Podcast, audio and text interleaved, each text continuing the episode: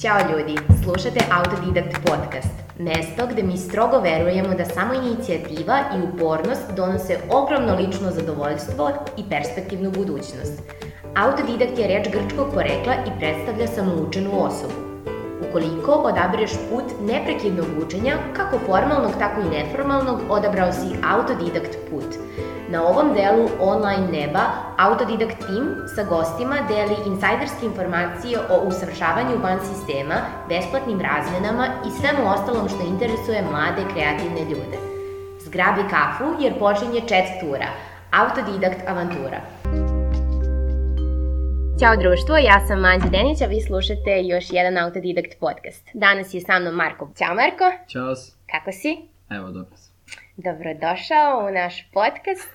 Bolje te naš. Ja sam shvatila danas, pripremajući ovu epizodu, da si ti prvi momak koji je zapravo u našem podcastu. Wow, osjećam se privilegovan. Da, ali onda pretpostavljam da naši slušalci... Neće biti poslednji valjda. Ne, daleko od toga. Nego eto tako se pogodilo. Drago okay. mi je da si ti sada tu sa nama i nema potrebe da ja tebe nešto dodatno predstavljam zato što svi te kao znaju manje Aha. više. Okay, tako da daću ti tu specijalnu priliku da u par rečenica sebe predstaviš. Aha. A, Ćao, ja sam Marko, trenutno sam student na Američkom univerzitetu u Bugarskoj, inače se bavim filmom najviše. Um, jednu školsku godinu sam proveo u Americi kao student na razmeni preko Flex programa i mislim da me ta godina nekako dosta obeležila i podigla moju YouTube karijeru na neki viši nivo jer sam tada zapravo po prvi put dobio neke ono značajne prikaze i stvorio neku zajednicu što mi je dosta drago. I tako da da, sada kada sam se vratio, malo sam preživljavao u srednjoj, a onda nakon srednje sada uživam na fakultetu. To je baš lepo čuti, da neko uživa na fakultetu. Dobro, mi smo danas u Media Reform centru Niš, ovde je, oni su nam pozajmili svoje prostorije da snimamo podcast i ovom prilikom im se zahvaljujemo. Od septembra naše podcaste možete slušati i na njihovoj platformi, znači pored YouTube-a i ostalih e, podcast aplikacija kao što su Spotify, Google Podcast, Apple Podcast, slušajte nas i na platformi Media Reform centra. Kao što si rekao, tvoju YouTube karijeru, obeležilo je to taj boravak u Americi i stvarno prvi YouTube snimci koji su meni poznati su ti iz Amerike. I meni se jako sviđa način na koji si ti izveštavao odatle snimao te vlogove, pa hajde reci nam kako je uopšte došlo do toga, kako si ti otišao tamo, um, kako su te izabrali? Pa, za sam Flex program sam saznao od svog druga Luki Jakšića, koga ovom prilikom pozdravljam. I on je bio u fazonu kao e, ima neki Flex program, nešto se ide u Ameriku, bukvalno tako smo razgovarali noć pre. ja sam bio u fazonu, kao on mi je pitao, hoće da idemo, kao ajde. I ja sam otišao sa njim da mu pravim društvo, on sam bio kao ajde, prijavit ću se ja, što da ne. Onda sam se prijavio, prošao sam prvi krug, i bio, rekao tada tek roditeljima kao, e, ja sam se prijavio za ovo nešto, prošao sam prvi krug, su bili, a, kao, cool, cool, dobro, nemam pojma, vidjet ćemo to sutra. za ozbiljno. Da, bilo sam ono klasičan Marko, opet radi nešto, ne znam nešta. I ovo, onda sam prošao drugi krug, a onda sam bio u fazonu, ok, znači, to se ide u Ameriku ako prođem sva tri kruga, I oni kao, dobro, tada smo malo razmislili o tome, mada imam uvek neizmernu podršku od svojih roditelja, tako da nije tu bilo nikakvih problema. I onda sam prošli treći krug i bio fuzno, ok, ja idem za Ameriku kroz mesec dana, koliko već, tako da, da, tako se sve nekako brzo izdešavalo i sada mi je interesantno kad mi neko pita kako da se pripremim za sam program ili tako nešto, ne znam šta da mu odgovorim. Jer ti zapravo realno... nisi vršio neku posebnu pripremu. Upravo, da. Znači, ono, samo sam bio svoj, bukvalno sam pisao te, pošto se piše esej ili se radi uh, engleski, mada sada su izbacili to poznavanje engleskog jezika, jer kao valjda se, valjda mora da znaš sam engleski jezik da bi se uopšte pravio taj program, tako da taj deo su izbacili, tako da sada pišu samo esej, gde u suštini oni, oni tamo samo gledaju vaš profil, ko ste zapravo vi kao osoba, da li misle da možete da se snađete, i ako misle da može, to je to, uglavnom prelazite. Šta misliš da su bile neke uh, karakteristične tvoje crte koje su njih uh, privukle? Veoma moguće iskrenost iz razloga što ovako e, stvarno redko, redko kada lažem, ako ne i bukvalno nikad, što mi ono kao u većini slučajeva i kazni, ali dobro, nije loša osobina, budite iskreni. Tako da da, i nekako prosto otvorenost, pričao sam, znam da smo imali uh, neki blam da opišemo i ja sam tu ono skroz u detalje sve opisao i bio fazonu, ma ja sam naučio iz ovog blama, ma meni to nije sad ovamo namo, tako da kao verovatno možda i ta neka doza humora, ne znam, ali da, u suštini to. Ja pretpostavljam da je tu neka komunikativnost, jer si ti onako baš otvorena osoba i onako, čini mi se da se brzo sprijateljiš sa ostalima. Mm, Pa, rekao bih da se slažem sa tim. Da. Uh, ok. Uh, sada mene interesuje, rekao si da se sve to izdešavalo brzo, ali ponovo kako si imao, kako si se odvažio da napustiš na godinu dana porodicu, pre svega prijatelje i tu neku sigurnost koju imaš ovde u Nišu? Pa, ja se vodim logikom da nas ta zapravo sigurnost ograničava dosta u našem razvoju i rastu, tako da iz tog razloga uvek gledam da promenim svoju sredinu i društvo i često to radim. Ne znam, verovatno to potiče iz toga što sam uh, u osnovnoj školi sam išao od prve do četvrte u jednu školu, pa sam onda se prebacio u drugu, tako da sam od malena navikao na to menjanje nekog društva i nikada mi to nije predstavljalo problem i shvatio sam da zapravo jedina dobra, mislim, jedino mogu da dobijem dobre stvari u smislu da imam sada još veći krug poznanika i prijatelja i to mi samo pomaže, tako da ono, nije mi to predstavlja neki problem. Mm, sjajno. Uh, I reci mi, verovatno si ti sad imao neke predrasude prema uh, američkom društvu, prema toj host porodici koje si išao. Uh, kako si se uklopio u taj sistem? Što se predrasuda tiče, iskreno nikad ih nemam iz razloga što mislim da ne treba da gledamo generalno neku grupu i da osuđujemo, zato što mislim da je svako individu za sebe, tako da tako treba da ih posmatramo. Tako da nisam imao neke specijalne predrasude, naravno imao sam Uh, mislio sam da se ponašaju na određeni način iz toga što sam video to kroz YouTube klipovi i sve to, ta njihova prosto kultura, koja mi je samo ono nekako potvrđena kroz moje iskustvo, ali sve, sve je bilo super, ne znam, nekako dosta sam se dobro klopio. Imao sam, moja host porodica je bila samo jedna žena od 60 godina, koja je bila precool, bukvalno je bilo fazonu kao šta god želiš da radiš, radi slobodno, imaš potpunu podršku od mene, nebitno je, ne mora da mi se javljaš kada dolaziš ovamo namo, tako da nisam imao nikakvih nekih specijalne obaveza i osjećam sam se dosta opušteno u samom startu. Odlično. A, jer misliš da su, da li misliš da su inače host porodice takve? Ima svakakvih priča, većinom jesu, mm -hmm. ali se desi ipak ponekad slučaj gde nisu zapravo toliko niti otvorene, niti, da kažem to, dobre, ne znam, u najgeneralnom smislu.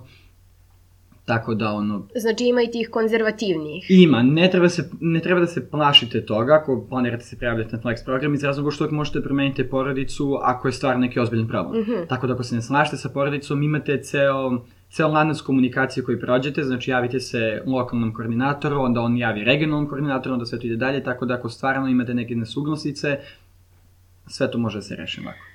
Da, to je, to je stvarno lepo čuti. Uh, pošto ti imaš i puno drugara, da kažemo, koji su isto bili na Flexu, vi ste svi kao Flex alumni, koliko sam Da, ja shvatila, da. uh, imao si prilike da eto, iznutra čuješ kako je to m, boraviti u nekoj američkoj porodici i reci mi koje su to tri stvari koje su drugačije u američkoj porodici od srpske, a koje ti se jako sviđaju i misliš da bi mi nekako trebali da usvojimo od njih. Sad moram da pričam samo specifično za svoj primjer iz razloga mm -hmm. što se dosta, dosta razlikuju. Naravno. Uh, bukvalno od kuće do kuće imate razlika kao i što imate ovde, tako imate i tamo. Mm -hmm. um, ali eto, nekakva ta opuštenost mi je bila ono skroz cool jer nisam imao bukvalno nikakve obaveze, sem da iznesem džubre, na primjer, nebitno jednom u mesec dana.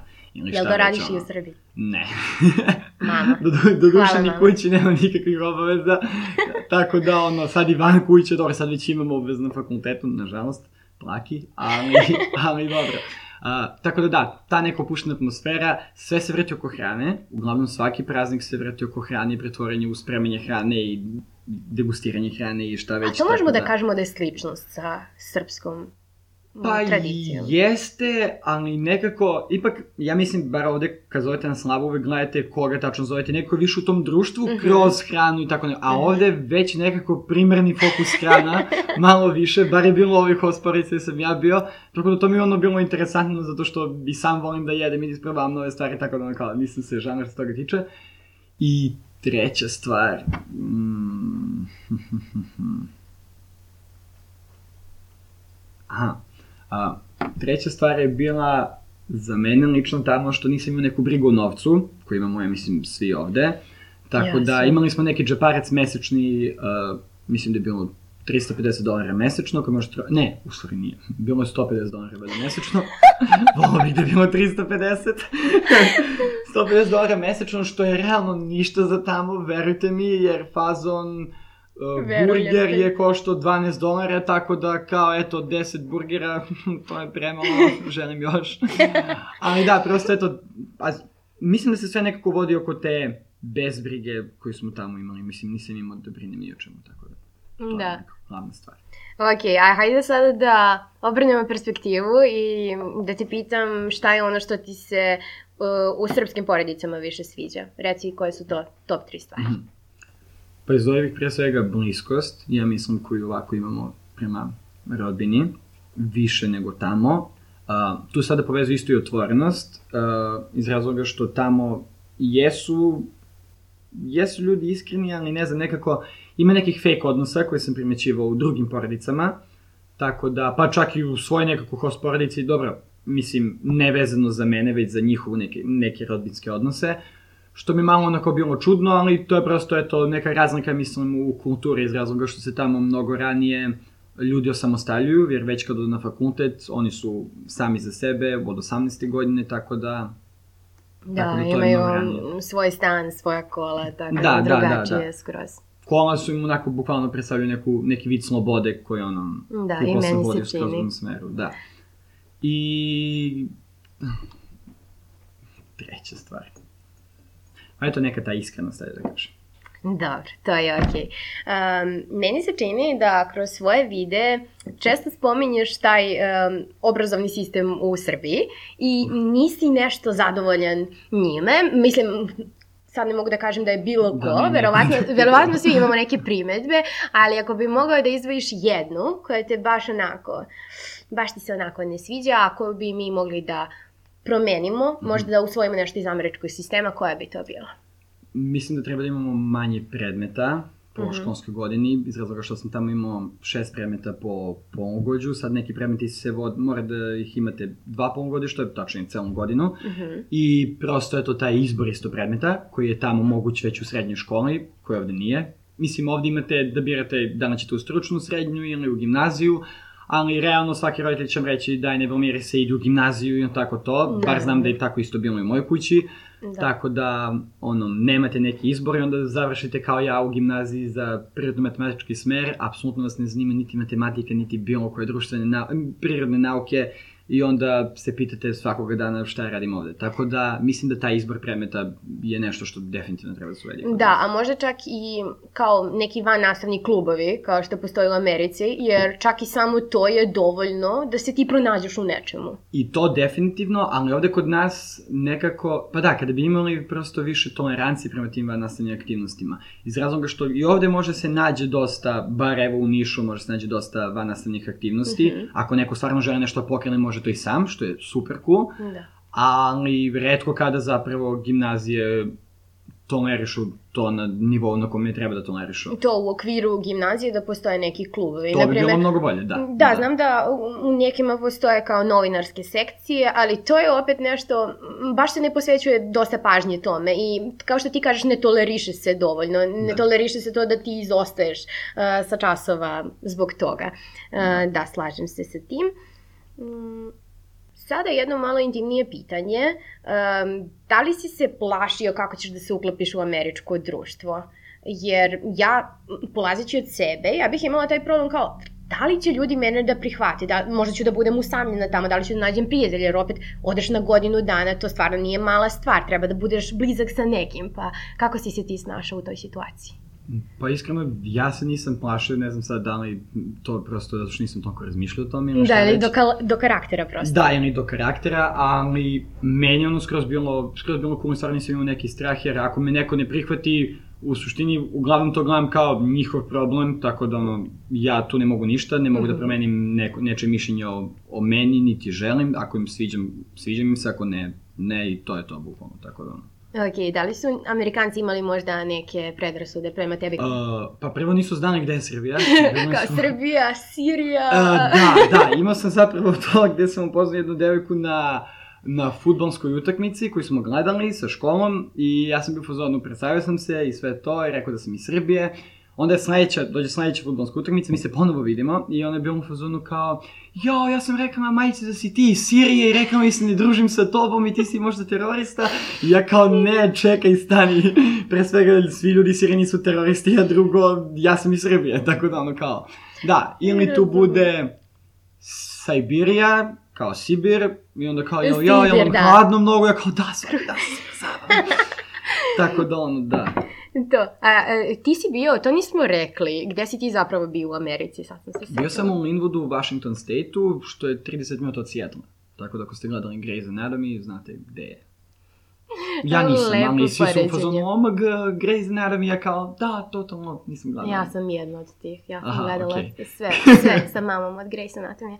Ovo, dobro, ali ti si imao tu neka kao fakultativna putovanja, mogu tako da ih nazovem, nego ste imali, sad ne znam kako to ide, da li je to u okviru Flexa? E, da, da, da, okej. Mhm. A, nije, a, znači to sve zavisi od vaših hosporica ako će oni negde da vas vodi ili šta već. A, moja hosporica nije imala, tačnije, ta žena nije imala toliko finanskog nije bilo u toliko dobrom finanskom stanju da me sad vodi bilo gde, Jasno. ali je imala njenu drugaricu koju sam je dosta pomagao oko videoklipova ili nešto što je radila, pošto vodi neki kamp za Kineze koji dođu tokom letnjeg raspusta u Ameriku, tako da sam ja pomagao oko toga i onda ona uh, još jednog Kineza i mene odvela u Los Angeles, Las Vegas, San Francisco, Grand Canyon, letali smo helikopterom iznad Grand Canyona. To je bilo Wow! kao, wow, bukvalno. A, da, tako da to je bilo, to je bilo prelepo, prelepo iskustvo. Tako da sam ja imao e, tu sreću da rađem tako nešto, što nemaju svi koji su na Flex programu, ali do duše čuo sam da većina ipak proputuju malo i van njihovog state tako da je to dosta cool. Da, ali opet nije to samo sreća, ti si izašao toj ženi u susret, ti si šta editovao si neke klipove Da, i da. snimao tako da, eto, i to, to je mm, nekako značajno što si imao tu veštinu. Sada mi reci e, kako je celo ovo iskustvo oblikovalo tebe kao ličnost i tu bih voljela da se fokusiramo na neke poslovne veštine. Pa, prosto ta mogućnost da se posvetim nekom predmetu koji volim. Ja sam tamo uzeo videoprodukciju i fotografiju, između ostalog. Tako da mi je to dosta, pošto imam praktično znanje, sada sam mogao da vidim i malo kroz teoriju kako to funkcioniše, tako da mi to dosta, dosta pomoglo. Ovo, i imao sam priliku da zapravo se jedan od mojih kratkih filmova pušta u Sijetlu na, na Niftiju, na festivalu i dobio sam oni kao badge filmmaker i šta već i išli smo Wow. crvenim o, red carpet. Tepihom, Da, tepihom, to da. je to. Tako da je to bilo, to je bilo dosta dobro iskustvo. U tom pogledu, ono, to je isto bilo super, a i kasnije kada se vratite sa Flex programa imate priliku da budete aktivni alumnista. Bukvalno imate budžete izdvojene da ih primenite u svojoj lokalnoj zajednici i da iskoristite za probleme koje vas interesuju, tako da ja ne vidim razlog zašto to neko ne bi uradio. Jeste u jednu ruku tako i živi sam Flex program iz razloga što finansira ga američka vlada kako bi se sada proširile, kada, kako bi oni unapredili zajednicu, da bi nam se odužili zbog cele istorije, šta sve ne, nebitno. Ali i dalje mislim da je to, to dosta cool, tako da sam ja pri povratku. Prvi projekat mi je bio pravljenje čestitka sa osnovcima u osnovnoj školnoj Dušan Radović, gde smo skupili, ja mislim, oko 45.000 dinara za Nurdor da uh, organizaciji koja pomaže deci oboljenima od raka, tako da mislim da je to dosta, dosta cool. Super, to je, to je baš zanimljivo. I hajde sad da se vratimo u sadašnjost, pošto smo pričali u vremenu kada si ti imao, koliko si tada imao? 16, 17 Kada sam godina? otišao, otišao, imao sam 15, napunio 15 sam tamo godina. 16, da. Sada kada pogledam. Wow. Da, pošto sam rođen u septembru, pa sam tehnički otišao sa 15, a tamo napunio 16 i ja stvarno ne znam kako su me roditelji pustili, jer ne znam sad da li pustio 15-godišnjaka da ode tamo. Imali su ali puno poverenja u tebe. Da. Da, da, definitivno. Sigurno. Um, ni sada nis, nisi mnogo stariji, imaš koliko? 18 godina? 19. 19 godina, izvini. Um, I sada si brucoš, možemo da kažemo, na američkom univerzitetu Tako i pretpostavljam da to nije slučajnost što studiraš na američkom univerzitetu. Nije. da, hajde malo više o tome Ha, nam reći. Pa, po samom povratku sam razmišljao, teo sam da odem u neki američki fakultet iz razloga što ovde nisam video šta za, mislim, ovde nisam video nijedan fakultet koji može da mi pruži to što želim da naučim, iz razloga što želim da se bavim nekim marketingom i da to nekako povežem sa videoprodukcijom sutradan. Ovde imamo fakultet za film u Beogradu i Novom Sadu, ali neko se nisam pronašao u toj grupi ljudi. Ili I- FDU, Da, pa da, otprilike to, Aha, FDU, baš na to mislim, da, da. Fakultet dramskih umetnosti, da, da, da, da, da. da. ali nekako, ne znam, nije to bilo ono što sam ja hteo, onda druga stvar mi je bila kao, ajde, da li dopišem fon, što je management, ali nekako ni tu se baš nisam pronašao. I onda sam tražio neki američki univerzitet, shvatio da je mnogo skupo otići u Ameriku iz razloga što daju školarine samo ako ste neki profesionalni atleta, bukvalno, ili ili ste neki genij za matematiku ili Upravo, fiziku, nisam da. oba. Pa i da- sami Amerikanci ono, danas uh, jedva preživljavaju uz, uz te Kredite da, i to im je najveći, jedan od najvećih problema uh, sadašnjice, tako da pogotovo sada mi iz nekog skroz drugog standarda uh, ne da možemo uopšte da se... kupimo patike, tako da ono kao, Da. ne. Da, i onda sam našao, našao sam rezervu za to uh, Američki univerzitet u Bugarskoj, bio u fazonu, ok, što se ne bih ovde prijavio. I da, evo me sada tamo.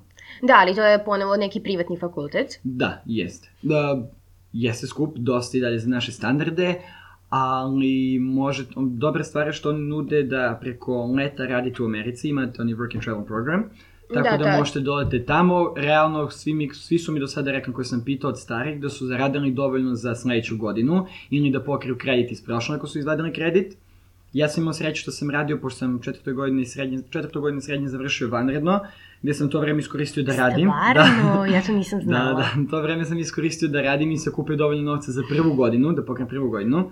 I onda sam bio u fazonu, ok, ništa sad work and travel kada bu- dođe leto, tako da na taj način ću da vidim te finanse da, da pokrijem. Da, razumem, razumem, to je onako zanimljiv poduhvat. Um, na koji način smatraš da te taj univerzitet bolje priprema za posao, za tvoju budućnost u odnosu na neki državni, na primjer u Srbiji ili Dosta praktičnog zemlji? znanja, definitivno, u poređenju sa našim fakultetima ovde gde mislim da je više sve teorija, nekako bubanje i sve to. Mislim, ne znam, to ću ti da im Ja se slažem se sa E, tobom. okej. Da. Pošto nemam iskustva ovdje nisam bio, ali... Da, a pogotovo kada pričamo, mislim, drugo je, ja sam, ja sam upisala teorijsku matematiku, ja sam znala da ću to da ja sam znala da ću time da se bavim, ali Dobro. kada pričamo o toj biznis strani, imam društvo koje studira na fonu ili na ekonom, koje je na ekonomskom fakultetu i oni mi potvrđuju da to sigurno nije Da. nešto što su imali na umu kada su upisivali to. Da, da. Um, ovamo nekako, eto, pošto ja imam trenutno makroekonomiju, kurs makroekonomije, Mhm. gde je moja profesorka, inače svi tamo profesori, 97% profesora imaju doktorat, što je Gledala sam taj klip. Da, da, Mhm. što je meni precool, jer kao profesorka engleskog mi doktorirala na Harvardu i onda kada dobijete 98 od 100 na eseju od profesorke koja je završila doktorat na Harvardu, u fazonu ste, wow, ja značim nešto u životu zapravo. Tako da ono, Marka, moram da ti kažem da bi ti bio profesor um, vanredan ili redovan na, i na našim fakultetima ti moraš da imaš doktorat. Doktor, aha, okej, dobro, onda to nije toliko cool. Ali dobro, ali, Ali imate, Harvard je sta- Harvard. E, upravo, ali imate doktorat negdje u Americi. Dobro, ovdje sam samo ja zaluđenik za Ameriku, ali nebitno. Da, nekako i dalje više mislim da je to, da je to dosta, dosta cool. Dosta više cool nego ovdje, ali nema veze. Dobro. Da, nego taj praktični rad, to sam počeo da pričam. Ovo, znači, kada učimo neku, neku lekciju iz ekonomije, gledamo da to povežemo sa trenutnim ekonomskim stanjem. Tako da nekako, ok, nebitno, povežemo to sa trenutnim ekonomskim stanjem koje se dešava, isto iz, na primjer, psihologije, pošto tamo trenutno studiram biznis administraciju i psihologiju, jer možete imate double major, tačno da imate dva, imate bukvalno Dve diplome. Dve diplome, da. Ali puta dva, iz razloga što su priznate i u Evropskoj uniji i u Americi. Mhm. Tako da su vaše diplome odmah akreditovane i u Americi i u Evropskoj uniji i onda nemate potrebe da ih prevodite ili da sada pokušavate da priznate vaš fakultet negde u drugoj državi, već je to sve urađeno za vas, tako da je to preku. Mhm. Tako da tehnički imate četiri diplome ako završite ovo. Mislim što zvuči kao besplatno davanje diploma, ali nije tako, zapravo naučite nešto stvarno. Ne, ali ima dosta stigme kada se ovde spomene privatni fakultet, jer svi znamo šta su ovde privatni fakulteti. Realno nije tako stanje tamo iz razloga što imam druga koji je sad obnovio godinu, jer je prvu godinu išao u Londonu, na Američkom univerzitetu, onda je došao ovde i bio u fazonu, mi ovde mnogo više učimo nego u Londonu. I kao ovo mi se mnogo više sviđa način rada ovde nego tamo koji sam imao na Engles, engleskom univerzitetu zapravo. Tako da ono, mislim da i dalje ima, neko, ima neke validnosti. I da, prosto eto, na primjer, naš ispit iz psihologije sad je bio da sve te naučene teorije kroz semestar povežemo sa nekim uh, realnim situacijama i da analiziramo celu tu situaciju kako društvo utiče na pojedinca i na šta već je bio zadatak. Tako Mhm. da, dosta cool. To, to je jako zanimljivo. A da li misliš da ta stigma postoji i u zemljama van Srbije, možda na Balkanu, ali i šire? Um, Što tiče u vezi sa privatnim, da, da. Pa za Evropu ne znam, iskreno. A kod vas na tvom fakultetu? Pa ne baš, baš iz tog razloga što je to američki univerzitet i u Americi su uglavnom svi fakulteti privatni. To je zato što oni imaju ono kao ili community college ili Ivy League. Da, A da. Ivy League ono Da, pakleno da, da, da, da. skupo. Tako da, nema, tamo je, tamo je realno, ono, dosta se radi, ako ne radite dovoljno, niko neće da vam, da vam pokloni ocenu ili bilo šta, da, samo zato što plaćate, ne, bukvalno vas odseku i to je to. Znam da moj profesor psihologije, na primjer, obara veliku većinu ljudi koji uopšte idu tamo, tako da, ono, Mhm. Jadan Da. ja. to je zanimljivo.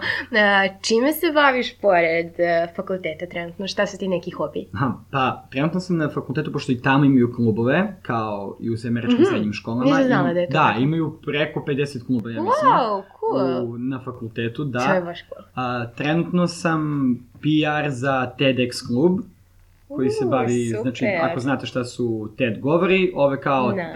uh, independent govori koji orga- organizuje sam fakultet, tako da radim PR za njih i, ra, i upao sam isto i u startup klub koji održavaju startup konferenciju svake godine i, i startup nek, uh, radionice gde se prijavi uh, gde se prijave srednjoškolci ili studenti sa fakulteta i onda imaju 54 sata da oforme svoj startup.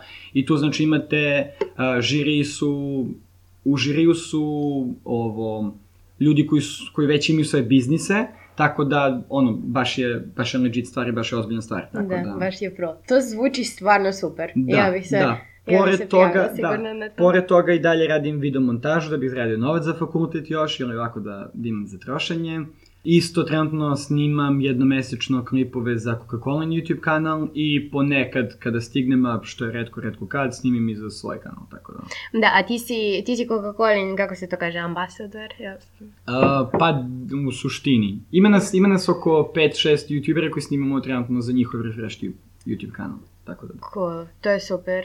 Um, to bi bilo uglavnom to za ovaj naš intervju. Želim da ti postavim jedno pitanje koje uvek na kraju postavljamo Oho. svim gostima, a to je da možeš da se vratiš unazad, Dobro. da si sada srednjoškolac, šta bi uradio drugačije ili isto i kako bi provodio svoje slobodno vreme. Ok, a, ne bih ništa radio drugačije iz razloga što mislim da sam tu gdje sam baš zbog svih grešaka koje sam napravio tokom, tokom svog odrastanja. Prva greška je bila uopšte upisati gimnaziju koju sam upisao iz razloga što sam imao previše negativnih iskustva. Mislim, ne, ali ono, otvoreno ću da kažem, zato što stvarno, a, to mi je bio bukvalno Bez naj...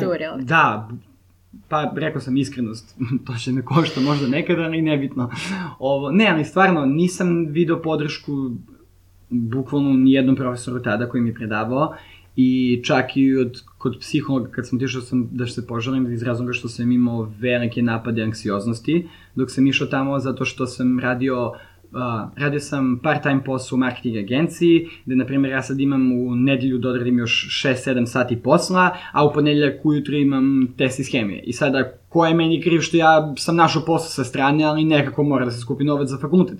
I onda, apsolutno, nikoga to nije zanimalo, niti mi bilo Da, ko izlazi u mhm. susret. Razumem. Tako da mi to stvorilo, a, to je prouzrokovalo u najgorem, bukvalno mi je napravilo najgori period mog života koji sam Da, imao. i sada imaš, tako da. razumem tvoju odbojnost prema našem sistemu, stvarno, stvarno mi je Da, jasno. da, da. I, mm, Ali, dobro, e, to je meni pomoglo da ojačam, ja, ja se iskreno nadam da to svakom pomogne da ojača, ali nešto ne vidim to, tako da se bojim da nekog zapravo to je malo i is, malo i neko skrene sa puta baš iz tog Ali razloga. pazi, e, način na koji ti deliš svoje iskustvo sigurno pomaže ostalima, tako da ja mislim da ti utičeš na to da tako gledaju i sad današnji srednjoškolci na to iskustvo, možda da, negativno. Iskreno, iskreno se nadam ako stvarno, jer ja ne znam, priče sa ostalim isto đacima, ja ne znam kome bilo je to iskustvo pozitivno, bukvalno.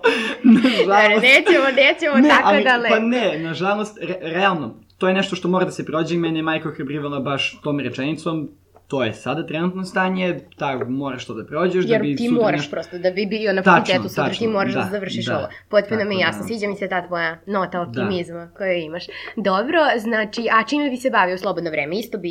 e, Da, pa i, Isto bi se bavio, e, Ja se u suštini, A, videom, tačnije prijavljanjem nekih filmova, se bavim bukvalno od svoje devete godine, kada sam imao, jer moj telefon tada, koji je bio nikakav, ali imao neki video editor, video montažer Mhm. na sebi, tako da sam sa društvom, bukvalno kad god izađemo, ja ih organizujem, ok, ti stani ovde, mi se snimamo ovo, ovamo, ovamo se dešava, šta već, mi nikad, znači, moje društvo, naža, nažalost, zbog mene nikad nije imalo ono klasično idemo da se igramo žmurke. Ne, idemo da snimamo klip. Jer kao, Jao, to, to radimo trenutno i to je to. To je zanimljivo. Tako da, da. Da. Da. Jao, strava, super. Um, I za kraj možda li imaš neku, evo sad mi je palo na pamet, Mhm. zato što nekad pitamo to naše goste Kika stvarno voli ovo pitanje, da nam preporučiš neki film, knjigu, podcast, emisiju koja ti se baš onako sviđa u poslednje vreme, um, baš onako utiče na tebe. Ok, uh, film, sad najnovi koji mi se dosta svidio je Joker. Logično. Znala sam da ćeš to da kažeš. ali, ali, jedan kultni film, Let iznad kukavičeg gnezda, to obavezno Uh, da... čitala knjigu, E, a okej, nisam ja gledala Nisam film. čitao knjigu, gledao sam film. Slušala audio knjigu, moram da se prepravim. okej. A dobro, dobro, to mu dođe slično, valjda. Da. Ovo, da, tako da taj film preporučujem, a šta još, knjiga neka? E, pa dobro film Ok, knjiga, ok, to je dobro. snimljen film po knjizi. Da, da, E, da, možda da, da. neka emisija, neki YouTube kanal koji onako pratiš sa zadovoljstvom. A- Evo može sa naše srpske scene, pošto eto imali smo... Marko, ne, Sa srpske scene ništa. nije sve tako crno. Ok, ja, postoji uh, Mario Vrećo, uh, lik je prekulni lik, baš pravi, uh, pravi zezdanciju baš na temu današnjice, tako da eto njegov kanal nekako preporučujem. Jel, misliš da je humor način da se prebrode neke situacije? Pa da, definitivno. Loše. Mislim, eto, ja se realno svakodnevno smejem i u nekim situacijama koje onako ne, nisu baš za smeh, ali eto, to je isto neki moj način da se, da se izborim sa tim. Nacionalno skroz. Hvala ti puno što si bio uh, naš gost danas i um, Tebi na pozivu. Nadam se da ste svi uživali uz ovu epizodu. Uh, pratite nas na Instagramu i Facebooku Autodidact, Autodidact klub uh, i nastavljamo da se družimo nastavljamo da se družimo u sledećoj epizodi. Pozdrav! Realizaciju ovog podcasta omogućili su Forum za odgovorno poslovanje, Coca-Cola i Unbox Hub.